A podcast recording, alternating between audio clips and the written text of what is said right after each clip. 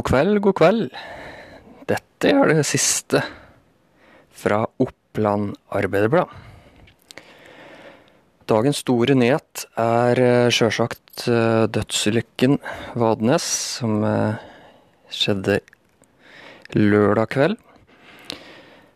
Politiet har varsla mannens pårørende, og kan fortelle Oppland Arbeiderblad hvor den omkomne kom fra opprinnelig. Personen er eh, registrert med bostedsadresse i Hedmark.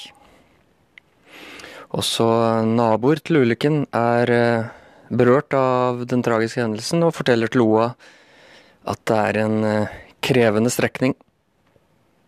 Alt om den saken på nettavisa vår.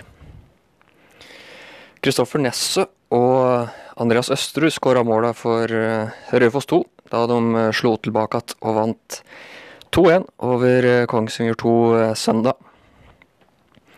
Først så var det Kiel som tok ledelsen, men Raufoss sine unggutter snudde kampen og tok tre poeng.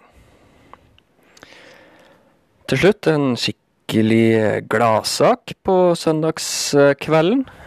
Nylig fikk 26 designstudenter ved NTNU Gjøvik i oppdrag å designe produkter som kan eh, gi multihandikappede Jenny livsutfoldelse og mestring.